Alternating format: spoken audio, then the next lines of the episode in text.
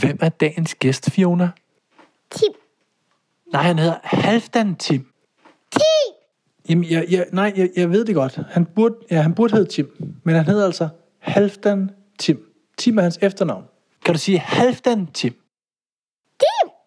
Dagens gæst er Halfdan Tim.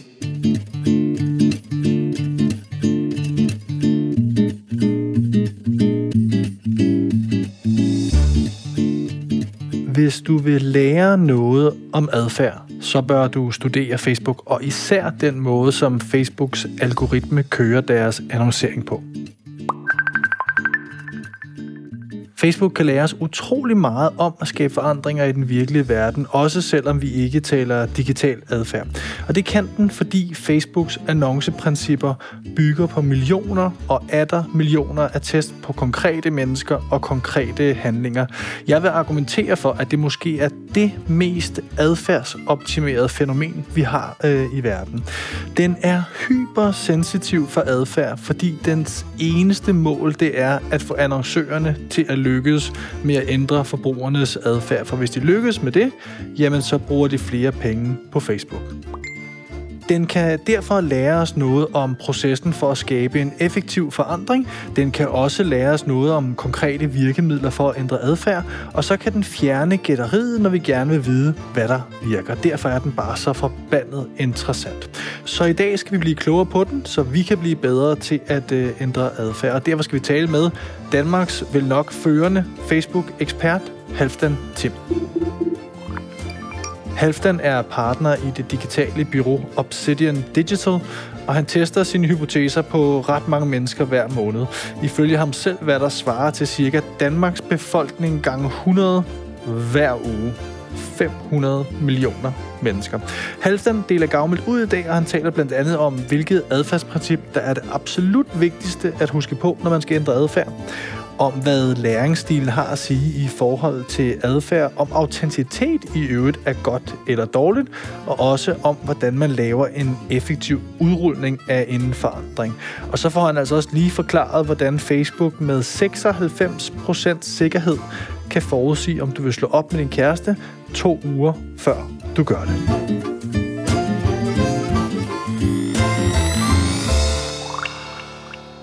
Jamen Halvdan, uh, tusind tak, fordi jeg måtte øh, komme forbi og forstyrre dig og trække på noget af, af al din viden om adfærd. Jamen selv tak, jeg er glad for at kunne være med. Det er et spændende emne. Ja, øh, jeg tænker egentlig, at jeg vil springe direkte ud i det. Øh, som jeg fortalte lytterne, så tænkte jeg, at vi skulle prøve at se på sådan Facebooks adfærdsmagi i annoncer, algoritmer, alle sådan nogle forskellige ting, som jeg kun har øh, husmands kendskab til.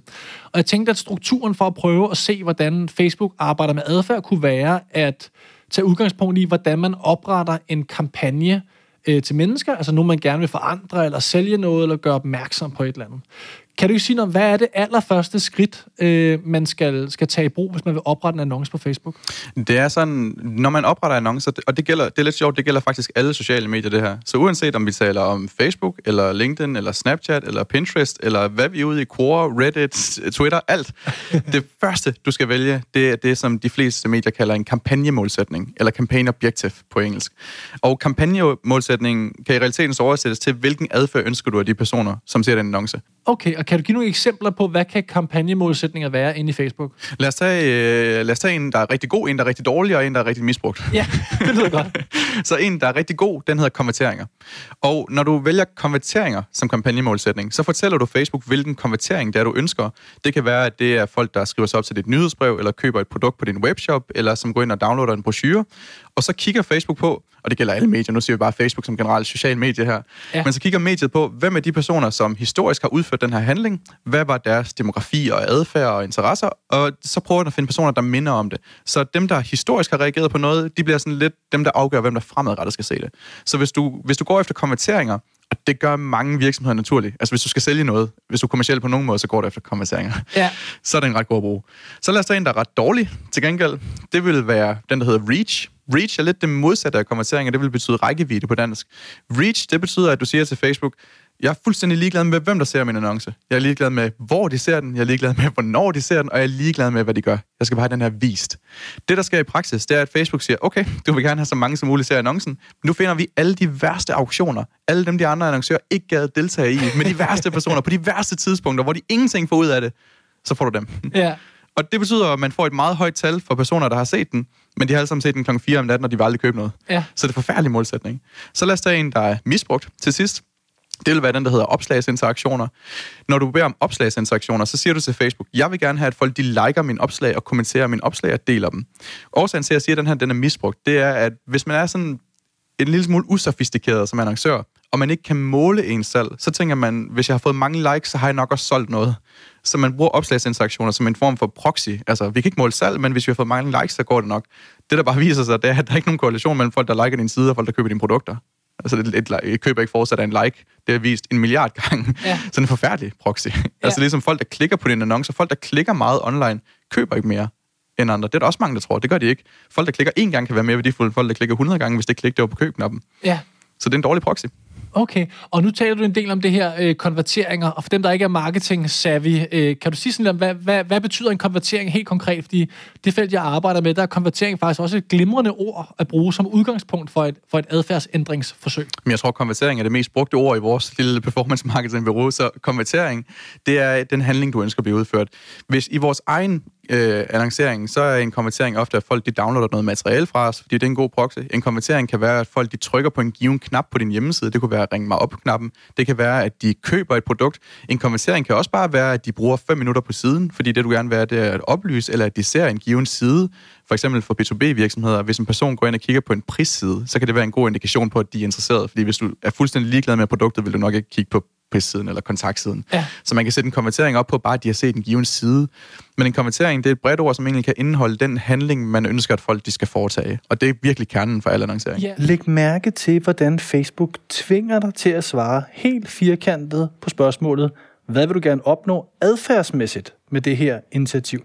Du kan simpelthen ikke komme videre i processen med at oprette en annonce, før du har svaret på det spørgsmål. Det er det, jeg i Jyttebogen kaldt for at definere den ønskede adfærd. Og når Facebook gerne vil tvinge dig til det, så er det fordi algoritmen har regnet sig frem til, at det er afgørende, hvis du gerne vil lykkes med at ændre adfærd. Årsagen til, at det er så vigtigt, det er, at Facebooks incitament er egentlig ret alignet med den person, der annoncerer. Fordi hvis Facebook kan levere mere værdi til den person, der annoncerer, så bruger de jo flere penge på Facebook, og så er både annoncøren og Facebook glade. Så i praksis, så har Facebook altså når man snakker om Facebooks algoritme, det, den vigtigste del af algoritmen, det er den, der bestemmer auktionen. Det vil sige, hvilken annoncør skal vises til hvilken bruger. Hver gang en person ser en annonce i deres feed, eller i stories, eller i right-hand side, hver eneste gang de ser en annonce, så er der en auktion, der ligger bagved. Der kan være 10 annoncører, der byder ind, eller der kan være 100 annoncører, der byder ind. Hvis du for eksempel er kvinde, og du har børn mellem 0 og 2 år, så er der rigtig mange annoncører, der byder ind på dig, fordi du skal købe mange ting til dine nye børn. Så Ja. kvinder med børn er faktisk den dyreste målgruppe i Danmark, sådan generelt, broadly Nå, speaking. okay. Kvinder med børn i Norge er en af de- den dyreste i hele Europa, fordi de skal også købe mange ting til flere penge. ja, plus oliepenge og Ja, så ja, videre. præcis. Ja, ja. Norge generelt er faktisk Europas dyreste land annoncere i, fordi der, de er mere købestærke. Så øh, jo mere værdi Facebook kan levere for dig, jo flere penge bruger du på Facebook. Så Facebooks øh, deres årsag til at spørge, det er, at de vil gerne vide, hvad er det, du sætter pris på? Hvad er det, der vil være succes i din forretning? Og så levere det. Så Facebook vil helst ikke bare levere visninger, fordi det er mere værdifuldt for dem, hvis de kan levere konverteringer, for eksempel, fordi så vil du betale mere for visningen. Ja, og det her, det er jo kernen i interviewet, og grunden til, at jeg gerne vil tale med Halfdan om Facebook og annoncering. Facebook ved præcist, hvad der skal til for at ændre adfærd, og den er interesseret i, at så mange som muligt gør det, for hvis de gør det, så er det godt for annoncørernes forretning, og det betyder jo sjovt nok, at de vil bruge flere penge hos Facebook. Så for at summere op, Grunden til, at du skal definere den ønskede adfærd, eller som Facebook kalder det, en kampagnemålsætning, det er, at det er simpelthen vejen frem, hvis du gerne vil ændre adfærd. Alt for mange er ikke specifikke her, og det betyder at faktisk, at de ender med en reach-kampagne, som Facebook vil kalde det, og som Halfdan siger, så er det faktisk den værste til at ændre adfærd. Hvis vi går skridtet videre og siger, nu har vi oprettet en kampagnemålsætning, og Halfdan og resten af verden er tilfredse øh, med den, den passer godt til, øh, så er næste skridt, og jeg ved godt, jeg, for, for Facebook-nørder, så springer jeg nok en del små elementer over, men det må jeg altså lige klare, det er ikke, det er ikke øh, beregnet så meget til jer. Øh, en, en væsentlig del at tage fat på bagefter det, det er, at man skal finde ud af, hvilken målgruppe øh, skal jeg vise den her til. Kan du sige sådan lidt om, hvordan I vælger målgrupper, og hvad for nogle tanker I har, og, og Facebook også tydeligvis har, har liggende bag deres måder at vælge målgrupper på? Ja, så den anden store ting, man vælger efter kampagnemålsætningen, det er helt rigtigt, det er målgrupper. Og der er, sådan, der er tre måder at bygge målgrupper på, hvis man kigger på Facebook-system. Den første, og den de fleste kender, det er det, som de kalder for gemte målgrupper. Det er sådan lidt en lavet oversættelse. men, øh, men, men gemte, fordi alle andre målgrupper er jo også gemte. Men gemte målgrupper, det er, når du går ind og så målretter på baggrund af for eksempel demografi, interesser og adfærd. Så du kan sige, jeg vil gerne ramme mænd mellem... Hvor, hvor gammel er du, Morten? Øh, jeg er 39. Så jeg vil gerne ramme mellem, mellem 39 og 39, det kan man godt indstille, som, som bor i øh, Lyngby og som arbejder med management. Så har jeg valgt noget demografi, og jeg har valgt noget geografi, og jeg har måske valgt noget arbejdsstilling. Jeg kunne også gå ind og sige, for eksempel interesser. Jeg vil gerne målrette mænd, som har en interesse for grill og rødvin. Hvis du så på din Facebook-væg interagerer med opslag, der handler om grill og rødvin, og deltager i grillrelaterede arrangementer og besøger rødvinsrelaterede sider, så vil Facebook vurdere, at du er interesseret i det her, så vil du komme i målgruppen. Vi kan også målrette på baggrund af adfærd. Det vil være for eksempel, nu har du en Facebook-side, som også hedder Morgenmønster. Det betyder, at du har oprettet en Facebook-side og sagt, at det er en virksomhed, og derved har du fortalt Facebook, at du er virksomhedsejer. Så hvis jeg går ind og vælger den adfærd, der hedder virksomhedsejer på Facebook, så kommer du ind i den målgruppe. Ligesom du vil på 39 39 i Kongens Lyngby. Så der, der, der er mange måder sådan at definere på. Der er også nogle lidt mere kuriøse. Du kan vælge folk, som er separeret eller et åbent forhold. Du kan vælge folk, som rejser meget, som pendler meget, som har årsdag igennem de næste 30 dage. Folk, som er emigreret fra Latinamerika og rigtig mange andre ting. altså, det virker for mig som om, og igen, mange af de her betragtninger er, er, kan virke banale, når man kigger på, på annoncering. Men jeg synes jo faktisk, det er det, som rigtig mange, inklusive mig selv, har svært ved. Det, jeg prøver at komme frem til, det er, at det hele det virker for mig, som om man prøver at være relevant. Ja. Så man prøver at sige, jeg har, et, jeg har en tilbud til verden, jeg vil have x mennesker til at gøre det her noget. Facebook, hjælp mig med at vise det til de mennesker, som sandsynligvis er mest interesseret i at udføre øh, målsætning. Vil det være en korrekt måde at opsummere Det er det, fordi en, en af de store hemmeligheder, eller nøgler til Facebook-annoncering, det er at lade være med at vise en annonce til personer, som ikke er interesseret. Fordi du betaler per visning. Hvis du bare kunne nøjes med at betale, altså vise annoncen kun til relevante personer, så er det absurd billigt. Hvis du viser den til alle mulige, så er det en forfærdelig marketingkanal. Ja. Så lang, altså langt hen ad vejen, nøglen til succes, den ligger i at lade være med at vise en annonce til folk, der ikke er interesserede, fordi du betaler for det, men de reagerer ikke på den. Ja, det her det er igen centralt, når man skal forstå, hvorfor Facebook er værd at studere. Du betaler, som Halfdan forklarer, per visning. Så jo flere ressourcer Facebook skal bruge på at få en bruger til at udføre den handling, du gerne vil have, jamen jo dyrere bliver det for dig. Så prisen på konvertering er faktisk en utrolig enkel måde at vurdere, hvor klog en kampagne du har sat op. For hvis din konvertering er virkelig billig, jamen så betyder det, at brugerne virkelig bider på den og synes, den er engagerende og relevant. Hvis den derimod er dyr, jamen så er det irrelevant og ineffektivt. Og det betyder jo, at vi ved at studere prisen per konvertering kan se noget meget konkret om, hvilke virkemidler som virker, når vi skal ændre adfærd. Og derfor kan det lære os en masse om så forskellige ting, som udrulning og prioritering af vores egne ressourcer. Her der er Halfdan med endnu et eksempel. Så hvis, lad os tage, vi får et B2B-projekt, hvor vi siger, at den primære målgruppe, det er direktør, den sekundære, det er C-level, og den tertiære, det er bare resten af medarbejderne. Vi vil aldrig starte med dem alle sammen. Vi vil altid starte med direktørerne til at starte med, og så vil vi vise dem så meget, som vi kunne, indtil nu reagerer de ikke på annoncen, annoncen længere. Så tager vi næste lag ind, så tager vi CFO med eller C-level, og så først til sidst, så tager vi sidste lag med, fordi på den måde, der får vi mest ud af vores penge. Hvis vi bare starter med alle på én gang, så bliver det rodet. Det er svært for os at se, hvad der var, der virkede, og hvad der ikke virkede, og vi vil få dårlige resultater, hvis vi bare tog dem, der er mest relevante. Jamen, det virker jo så enkelt, når man taler om annoncering. Tag de letteste først.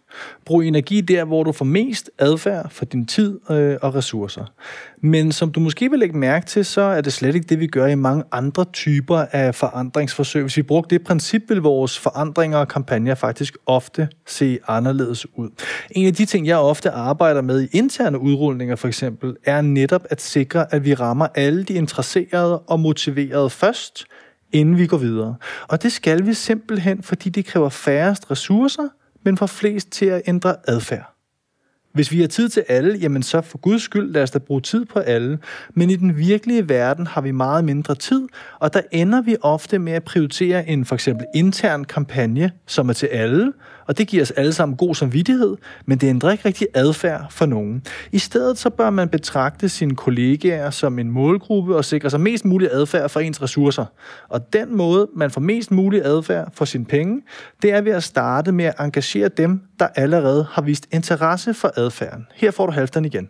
Jeg tror, det sted, vi altid starter, og det, det er faktisk uanset om vi snakker B2B, B2C, små virksomheder eller store virksomheder, det er at forsøge at reengagere de personer, der kender virksomheden i forvejen. Fordi vi ved, at hvis vi nu tager, lad os tage dit website igen, folk, der er inde på det website og læser din blogindlæg og lytter til podcastet, kender dig i forvejen. Så at få dem til at foretage en handling, som for eksempel at tilmelde sig nyhedsbrevet, er uendelig meget nemmere for os, end at vise det til en person, der helt blank og aldrig har hørt om Morten Mønster før, og tror, det er ham der, den unge der på YouTube. den har du bare ventet på at bruge, ja, ja. den der. Ja. der kom den. Så det vil sige, vi vil altid starte med de personer, der kender dig i forvejen, og det er det, man vil kalde retargeting. Altså reach, fordi det er igen, og targeting. Så det vil være personer, for eksempel dem, der har været på dit website de sidste syv dage. Folk, der har været på vores website de sidste x dage. Man kan gøre det her fra 1 til 180 dage på Facebook. Det er de mest relevante målgrupper. Det er der, vi får de billigste konverteringer. Det er altid der, vi vil starte. Men vi kan også se, jo længere vi gør den her målgruppe, jo dårligere bliver den. Så hvis folk okay. har været inde for en dag siden, så er de virkelig tændte. De er virkelig på. Det er nemt at få dem konverteret. For 180 dage siden, okay, så kan det godt være, at de ikke skulle have den iPhone og bladre alligevel. Nå, men det er sjovt. Det er jo igen, det er jo sjove adfærdsprincipper. Og så sige, det er lige når du har udvist interesse, det er der, du er lettest at konvertere igen til en ønsket adfærd. Og for hver time, der går, jo, jo mere daler ens interesse, og jo mere skal man bruge på at sådan genaktivere motivationen og følelserne og, og prioritering hos det andet menneske. Ja, jeg, jeg så sådan en, øh, en fyr på LinkedIn, jeg tror han er sælger, som lagde sådan et billede op, hvor der stod, at 80% af dine leads, de bliver kolde inden for to dage. Ja, spændende. Så du skal ringe med det samme. Og det er sådan lidt det samme, når folk har været inde på websitet for tre dage siden. Okay, der var måske en grund til, at de ikke nåede at købe det, eller nu har de købt noget andet. Det er også et stort problem for os. Der er mange af vores kunder, som laver e-commerce, og der skal vi virkelig være over folk, når de går ind på sitet, fordi de går tit ind på tre sites på samme tid. Så det første døgn er sindssygt værdifuldt. Tre dage efter, der giver det næsten ikke mening at annoncere til dem længere, fordi nu er window of opportunity past. I mit fag taler man en del om det der med sådan motivationsbølger, og det er jo principielt igen mange af de samme principper, vi taler om her. Og så dagen efter er du fuldstændig ligeglad, eller så har du et mm. andet problem, eller så er dit barn blevet syg, eller et ja. eller andet. Ikke? Og, og det man tror, når man er afsender, så tror man jo, ens produkt, eller ens synspunkt, eller ens strategi er så vigtig, at alle folk, de bare vil kaste, hvad de har i hænderne, når de læser det. Ikke? Og tilbage til strategiseminaret, så har man lige været det, alle folk, de løber rundt og giver et andet high five, så nu skal der virkelig ske noget. Og så er der ikke rigtig nogen plan for dagen efter. Vi tænker, så er der lige en lille pause og en lille ferie, og så mødes vi om to uger, og så er alle folk fuldkommen ligeglade med det, man blev øh, øh, så, så begejstret over, fordi nu motivationsspillet nede igen. Ikke? Det er længe glemt. Ja, ja. 13 dage siden. ja. Nå, nu har jeg lavet en øh, god kampagnemålsætning, øh, som alle er glade for. Jeg har lavet en målretning, eller lavet Facebook øh, bruge sin øh, algoritmemagi. Øh, så er et tredje trin, inden jeg går i gang med egentlig at skrive tekst og lave content osv. Er det ikke rigtigt? Det er der nemlig, fordi nu skal du vælge, hvordan annoncen så rent faktisk ser ud. Og der har du nogle forskellige muligheder, fordi hvis man ser på Facebook-annoncering for 6 år, 7 år siden, da det kom til Danmark, der kunne du lave et billede og en tekst over. Det var det. Og siden der, der kom rigtig mange muligheder. Og vi har sådan lidt en, en tommelfingerregel med, at vi ved ikke, hvilken annonce, der er den bedste fra starten af, og vi kan ikke gætte det. Hvis vi forsøger, så gætter vi forkert. Så vores udgangspunkt er, at vi skal altid lave flere annoncer til den samme kampagne. Og vi vil meget gerne bruge forskellige formater, fordi vi ved, at nogle personer vil helst se en video. Så hvis vi skal have konverteret dem, så skal de have en video. Andre vil gerne have en lang tekst, long copy. Andre igen vil gerne måske have en kort tekst. Andre igen, de skal sendes ind til et podcast og lytte til det. Og en helt anden gruppe. Det kan være, at det er en helt femte måde, vi slet ikke har tænkt på. De skal tage en quiz, måske. Så vi kan se, jo flere muligheder, eller jo flere annoncer vi har, jo flere forskellige, man kan sige, øh, annonceformater vi bruger, jo bedre performance får vi. Fordi det Facebook gør, det er, at de tager dem, der gerne vil se video, så får de videoen. Dem, der gerne vil have lang tekst, de får lang tekst. Dem, der gerne vil have quiz, de får quiz. Så i den samme målgruppe, der er det ikke sådan, at en annonce får alle visningerne. Facebook deler det op. Ikke nødvendigvis 33, 33, 33, ofte 80, 10, 10. Men på den måde, så får du også bare det bedste afkast, i stedet for at trække alle ned over en og samme annonce.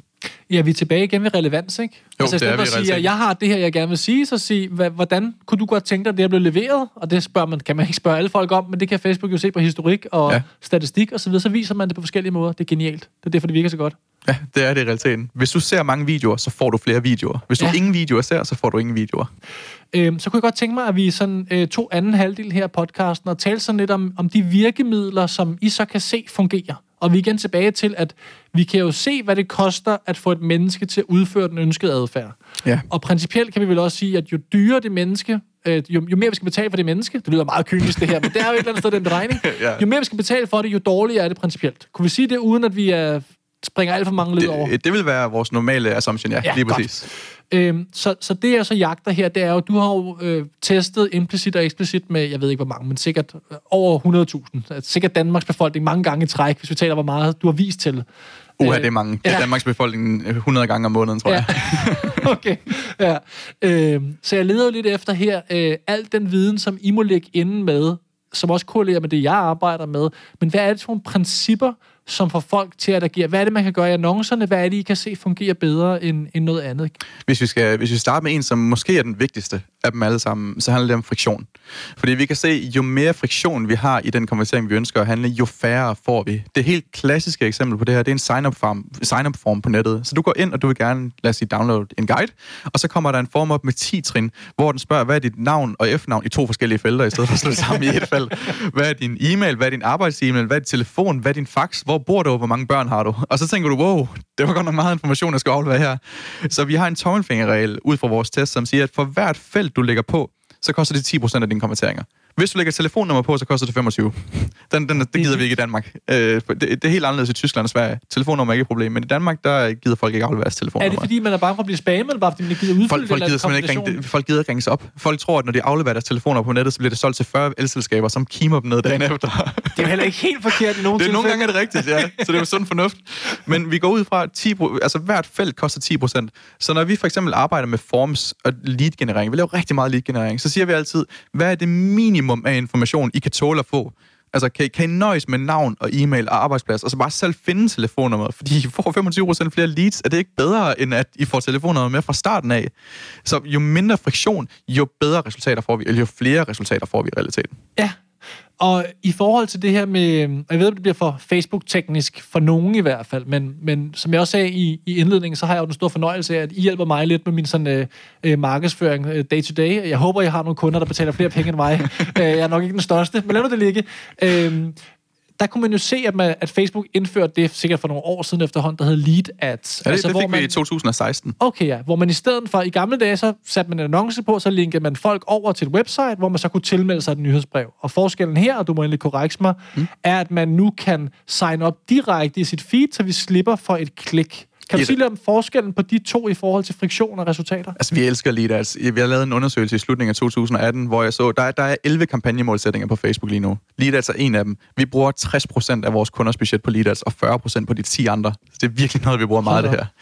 Leadats går ud på, at når man trykker på annoncen, i stedet for at blive sendt over til et website, så kommer der en lille form op, hvor hvis vi har bedt om navn, e-mail, telefonnummer, og folk har indtastet det på Facebook, og det er svært ikke at indtaste dit navn og e-mail, især på Facebook, ja. så, så, så, så bliver det indtastet af sig selv, og du kan bare trykke OK. Så man kan sige, hvis vi, hvis vi skal lave et lead, så kan vi lave en lead-form, hvor når folk trykker på annoncen, skal de trykke en gang mere, og så er deres information afleveret, og så får de deres materiale, for eksempel. Ja, fordi når jeg trykker på, ja, sign me up eller et eller andet, mm. så har jeg allerede fortalt Facebook, hvad mit navn og e-mail er, så det er allerede forudfyldt i ja, den du skal simpelthen ikke engang skrive det. Du skal bare trykke OK. Så det er ultra nemt at aflevere information, og det er ultra, ultra godt at generere leads på. Det skal man jo sammenligne med, at man trykker på en annonce og skal ind på et landingsside, som i øvrigt er langsomt, fordi det er dårligt kodet. Og så skal man finde formularen, og så skal man skrive ens informationer ind selv, og så øh. Og det tager hvad? for lang tid, så det gider folk ikke. Hvad, hvad, ved du noget sådan overordnet set, det kommer selvfølgelig an på kontekst, men sådan, hvad, hvad forskellen er i konvertering mellem lead ads og det her med at klikke over? Ved man noget om det? Vi, vi, vi tester det jo meget. Vi, faktisk, vi tester det ikke så meget længere, fordi hver eneste test viste, at lead ads virkede bedre. Så sådan ting, nu behøver vi ikke testen længere.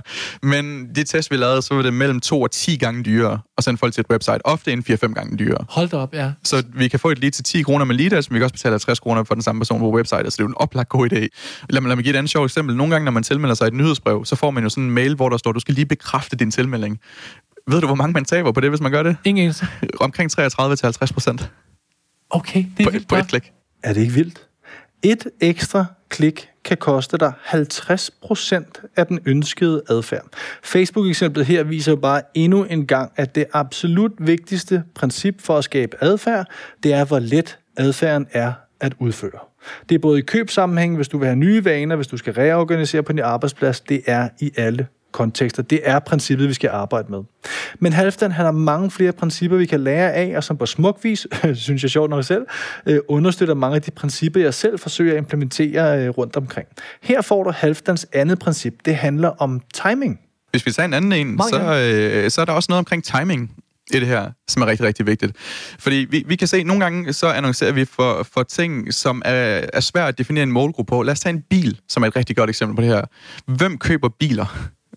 tæt på alle. Ja. Du, du kan ikke sige, at mænd på 40 køber biler. Du kan sige, at mænd på 40 køber måske en vis type biler, særligt hvis de er blevet skilt, så er det en helt særlig bil. Men, men alle køber biler. Men det vi kan se, det er, at hvornår folk køber blandt andet bil og hus, det har rigtig meget at gøre med livsbegivenheder. Så det, at folk de får børn, er en kæmpe driver til, at de får bil. Vi Ja. fik vores datter for to og et halvt år siden, og vi, vi, vi fik vores første bil for to og et halvt minus en måned siden. Fordi nu skal vi bruge en bil. Det er det samme med, med hus. Så vi har nogle muligheder for på Facebook at målrette efter livsbegivenheder. Nogle af dem, som vi bruger rigtig meget, det er blandt andet folk, der har fået børn for nylig, som jeg nævnte før, de skal købe rigtig mange ting. Det er også en hammerdyr målgruppe, Ja. så skal du vide, hvad du laver.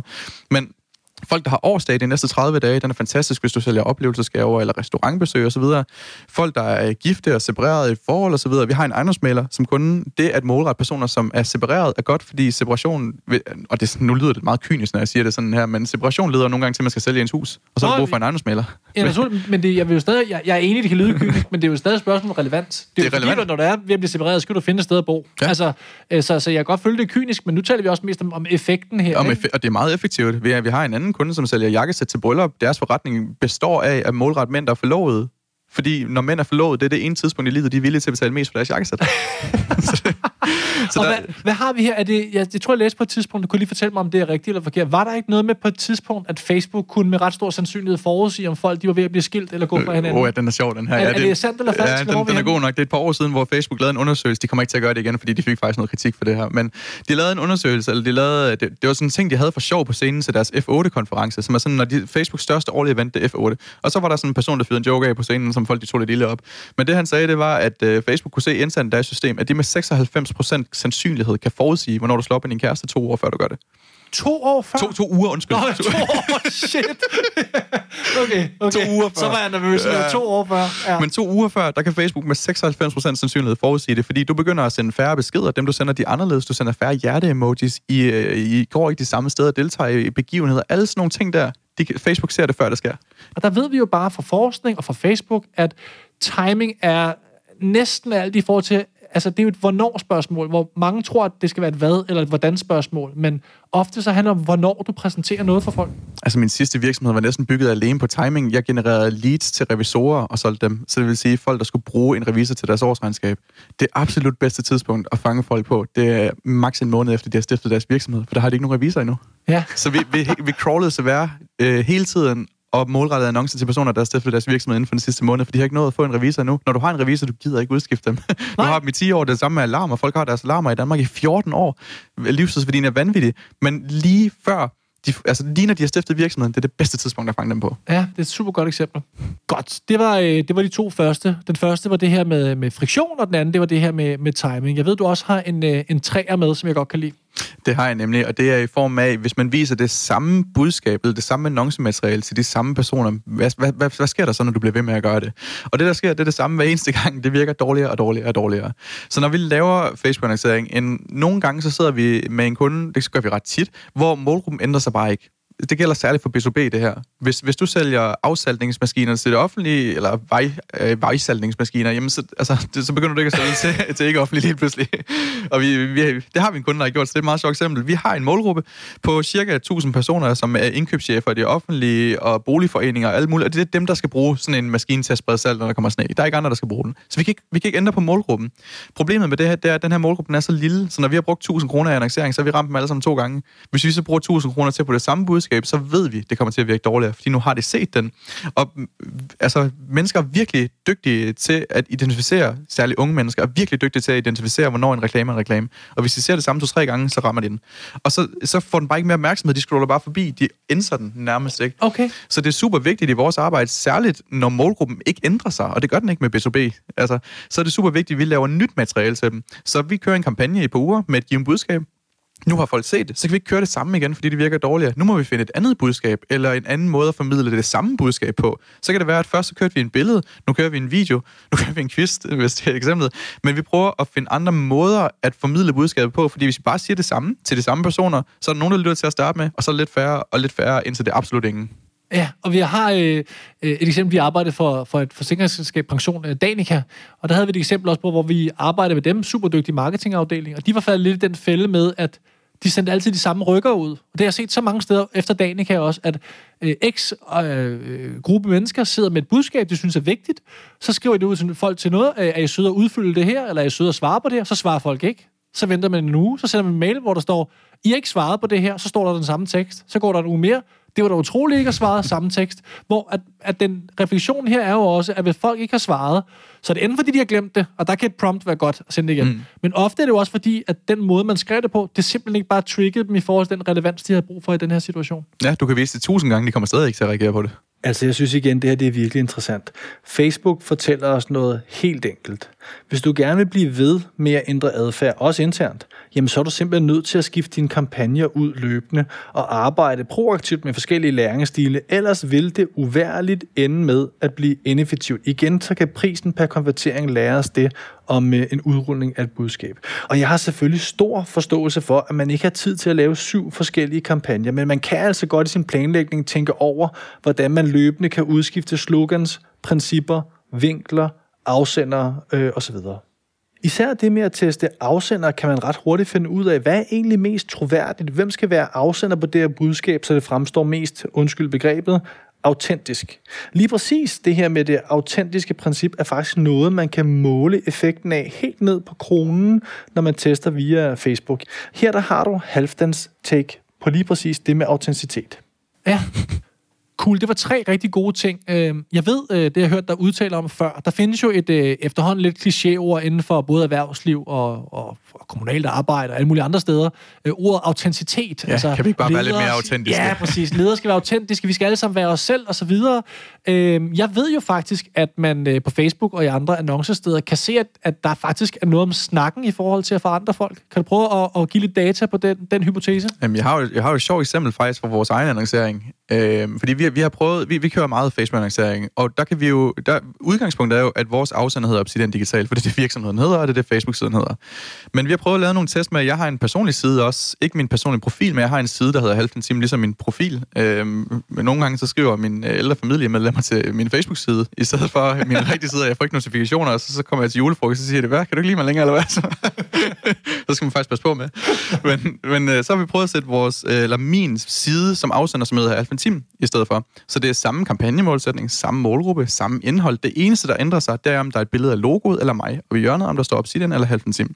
Vi kan se, at de annoncer, hvor der står Halvden Tim, har en 2-3 gange højere, altså 200% til 300% højere click-through rate, ind til de sider, vi gerne vil sælge folk Og click-through betyder, at folk klikker på det link, man så gerne vil de, til. de er to-tre gange mere tilbøjelige til at klikke på linket, som er en god start i forhold til at få dem ind og læse mere om det, vi gerne vil, vil have dem til.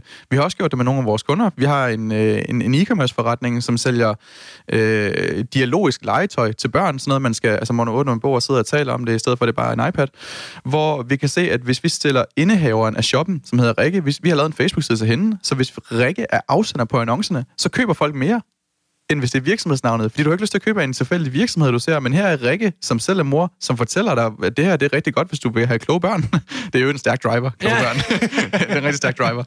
Jamen, så, så sælger vi mere på den måde. Det er mere autentisk. Ja, og det er vildt det her med, at man, det bare vil udskifte billedet. Så snakker vi to-tre gange større resultater. Fordi ja. folk de hellere vil købe og stoler mere på mennesker, end de stoler på logoer. Det er sådan den er helt klassiske. Altså, jeg ved på markedsføringsøkonomien, sådan første dag, så hører man, mennesker køber af mennesker. Men det er ikke helt forkert i den forstand, at hvis vi har et billede i vores annoncemateriale af mennesker, så bør det i teorien og ofte i praksis give bedre resultater, end hvis du har et billede af et dødt objekt som et bord, for eksempel. Og hvad siger du så til alle de her glitrede materialer, som mange virksomheder laver, både internt og eksternt, hvor der står en eller anden fuldstændig øh, tvungen, øh, øh etnografisk, øh, skulle jeg til at sige, øh, statistisk øh, repræsentativ mængde af mennesker, så vi har en, der er sort, og en, der er hvid, og en, der er klassiske amerikanske stokfoto, sort ja, en hvid kvinde, gul barn. ja, præcis. Som står og, og helt vildt står og griner til hinanden, og helt vildt optur over et eller andet nyt ja. IT-system. Ja. Øh, hvad, hvad, hvad, vil det så være smart, at ved vi, nu er vi ude i hypoteser, men vil det være smartere at vise et billede af, af en eller anden form for ansvarlig, som måske ikke havde så meget pudder på? Det, det, det vil det. Vi kan se en, en sjov ting, vi kan se på Facebook, det er, at den værste måde, du kan starte din video på, det er, du, du kender godt de der videoer, hvor man sådan ser et logo fade ind over en person, der sidder og typer på et keyboard, og eventuelt sådan lige vender hovedet. og smiler lidt. Ja, og smiler, og smiler ja. med, med et headset på. Så du fader lige ind over dem og smider logoet på. Hvis du gør det i to sekunder, så kommer folk aldrig til sekund tre. Det er så nemt at opdage din reklame. Vi skal huske, Facebook, det, det der succes er bygget på, det er egentlig det, man vil kalde native advertising. Det er det i realiteten, fordi din, din opslag inde på Facebook har samme format som de rigtige opslag. Det er ikke sådan, at, at annoncerne har en gul baggrund og en anden form. De er firkantede, de andre er rektangler eller et eller andet. Øh, eller kvadratiske. Så øh, det, det, det er native advertising, og det ligner rig, rigtige opslag. Og jo mindre du får dem til at ligne rigtige opslag, jo mere du får dem til at ligne reklamer, som folk ikke gider at se. Folk går ikke på Facebook for at se reklamer. Jo nemmere er det for folk at skippe dem. Så hvis du kører en alt for opglidret, alt for redigeret video, så performer den dårligere. Sådan en ting som, lad være med at have en fix baggrundsfarve på din video, altså sådan en helt blå væg, eller helt hvid væg. Det fungerer dårligere, end hvis du har et livligt kontor i baggrunden, fordi det ligner noget, som man selv kunne optage, det ligner ikke en reklamefilm. Så det, der virker... Lad os sige, hvis man skulle lave en tv-kampagne, den video, man vil køre på en tv-kampagne, altså den der 30 sekunder spot, hvor der kommer et produkt ind og en pris ja. og et speak, det vil virke forfærdeligt på Facebook. Det vil ikke sælge noget. Men hvis man kunne få en person, altså det helt klassiske eksempel, det er jo de, alle de her supermarkeder, som laver ja-tak-tilbud, hvor der står øh, sådan en store manager med en øh, sådan ordentlig skinke i hånden og siger, vi har 10 af dem her på 1 kilo til 99 kroner, hvis du skriver ja tak, og så vælter det ind med kommentarer. Men det er et godt eksempel på det, fordi det er autentisk. Altså, det er, lo- det er lokalt, det er, øh, folk kan forbinde sig til det, det fungerer meget bedre. Ja, jeg læste for nylig også en stor undersøgelse, som, øh, som viste igen, det er ikke noget nyt, men den viser det bare gang på gang, at de mennesker, der øh, sådan offentligt, både fra en scene eller til møder, bruger rigtig meget tid på at fortælle øh, alle de, undskyld mig, fuck de har lavet, alle de problemer, de har haft, alle de ting, der er gået galt for dem, at de mennesker stoler folk mere på, de vil købe mere af dem, også selvom det ikke er et produkt, men det er et synspunkt. Altså de mennesker, og det er jo altså, det er også en meget humanistisk ting, det er bare, at de mennesker, der viser, at de er skrøbelige og laver fejl, de er faktisk mere effektive, mere troværdige og er bedre til at skabe forandringer. Det er jo lidt det samme princip, vi ser her, det er folk, der stiller sig op uden puder, de er bare mere troværdige øh, på det første sekund. Det, det er sjovt, fordi jeg er i gang med at læse en bog, om, som hedder uh, Why I Left Goldman Sachs. Det er jo en rigtig sjov bog, hvis du vil læse en fuldstændig nedsabling af den amerikanske Det vil jeg rigtig gerne afsløre. Men en af de sjove ting, de fortæller, det er, det er sådan om kulturen derinde. Fordi en af de første ting, man lærer, når man starter derinde, ifølge bogen, det er, at hvis du laver en fejl, så indrømmer du den med det samme. Det eneste, du ikke må gøre, når du laver en fejl, det er at tale udenom og ignorere den og lade, som om det ikke er sket. Fordi det opdager dine klienter, og så stoler de ikke på dig. Og hvis klienterne ikke stoler på Goldman Sachs folk, så kommer de ikke til at købe aktier af dem og så videre. Så det, du må gerne lave fejl, men du må aldrig skjule dem. Ja. Indrøm dem med det samme, fordi ellers så mister det tillidsforholdet. Ja, jeg elsker jo, når, når verdens mest kyniske mennesker, øh, som sådan nogle mennesker der, at de bruger det som princip, for så er det, fordi det virker rigtig, rigtig meget. Så kan vi jo sige, hvad deres motiver for at gøre det, så ved vi i hvert fald på den anden side, at, at det virker. Det kan være dybt manipulerende, men det er rigtigt nok alligevel. Ja. Øh, nu nærmer vi os øh, vejs ende, øh, Halvdan, øh, efter alle de her guldkorn øh, på ræde række. Der var lige en sidste ting, jeg gerne lige vil øh, spørge ind til, som jeg også ved, du har noget god data på. Nu taler vi lige om det her med autenticitet, at det kan være smartere, at det er mig selv, der siger det, frem for mit logo, der siger det. Men jeg ved også, der kan være rigtig mange andre grunde til, at jeg faktisk overhovedet ikke selv skal sige noget som helst.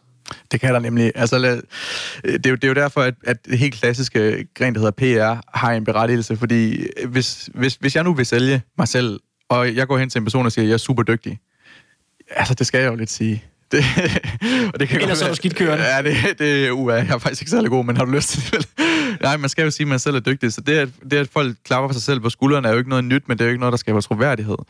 Det til gengæld, at man har 1000 femstjernede anmeldelser på Trustpilot, gør helt vildt meget. Så vi arbejder rigtig meget med, hvordan vi kan få andre til sådan, at, på en eller anden måde eksternt at validere vores kunder, eller blåstemple dem på en eller anden måde. Og det, at de har stjerner på Trustpilot, er en god start. E-mærke kan måske gøre noget. Det bedste det er, hvis vi simpelthen kan få nogle andre til at stille sig op og sige, jeg har handlet den her virksomhed, og det fungerede faktisk rigtig, rigtig godt. Vi, vi arbejder sammen med PR-bureauer, og ofte så er det sådan, at PR-bureauet starter, så får vi noget god omtale, vi kan bruge, og så tager vi over og bruger den omtale i vores marketing efterfølgende. Fordi vi kan lave jordens bedste kreativer, de mest velproducerede videoer, eller de mindst velproducerede videoer, ja. kan vi også lave. Øh, lange tekster, korte tekster, billeder, alle mulige ting. Men intet er bare lige så godt, som hvis en anden person sådan stikker den ikke og siger, at det her det er faktisk en rigtig god virksomhed. Så øh, de af vores kunder, som for eksempel har fået omtale øh, en eller anden art i børsen eller finans, eller hvad det nu skal være, det behøver ikke engang være store medier, det er fremragende materiale for os. Vi, jeg har et eksempel med en, med en lokal webshop, som sælger sådan nogle øh, miljørigtige øh, vaskeæg. Altså sådan nogle vaskeæg, du putter ind, og så bruger du mindre vaskemiddel, tror jeg. Okay. Øhm, og det bedste kreative, vi har, det er noget omtale fra TV Kalundborg, og hvis ikke du kender TV Kalundborg... Ikke lige uh, umiddelbart. Det er ikke en gigantisk news institution i Danmark. de har 2.000 likes på deres Facebook-side. Men TV Kalundborg, de har skrevet en meget kort artikel på deres website, hvor de har taget et billede. Og det her det er bare med til at validere virksomheden som intet andet, så folk kan se, at det er TV Kalundborg. Det er i hvert fald ikke dem selv. Det er det, der er vigtigt. Om det er børsen eller TV Kalundborg, det kan godt være, der er en forskel. Den er ikke kæmpe stor. Det, at TV Kalundborg siger det, så er det en nyhed, så har man lyst til at læse det. Det er interessant, og den sælger så mange vaskeæg, selvom man ikke engang er et direkte link i den artikel. Fordi folk læser og får lyst til at købe det, fordi de har reklameparaden nede når man kommer ind på TV Kalundborg. Du ved godt, det ikke er en reklame. Så du, du er ikke sådan skeptisk på samme måde, som hvis du går ind på et website, i stedet for, hvor du regner med, at de prøver at sælge sig selv. Så du er sådan lidt, lidt på hælene og lidt on the defense. Det er du ikke, når du kommer ind på sådan en neutral nyhedsartikel eller et eller andet af den stil.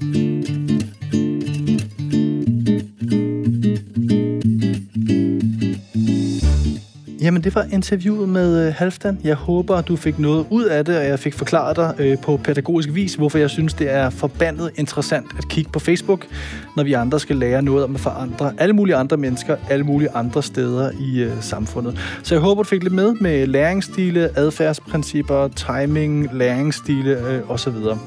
Ha' en dejlig dag. Vi ses næste uge.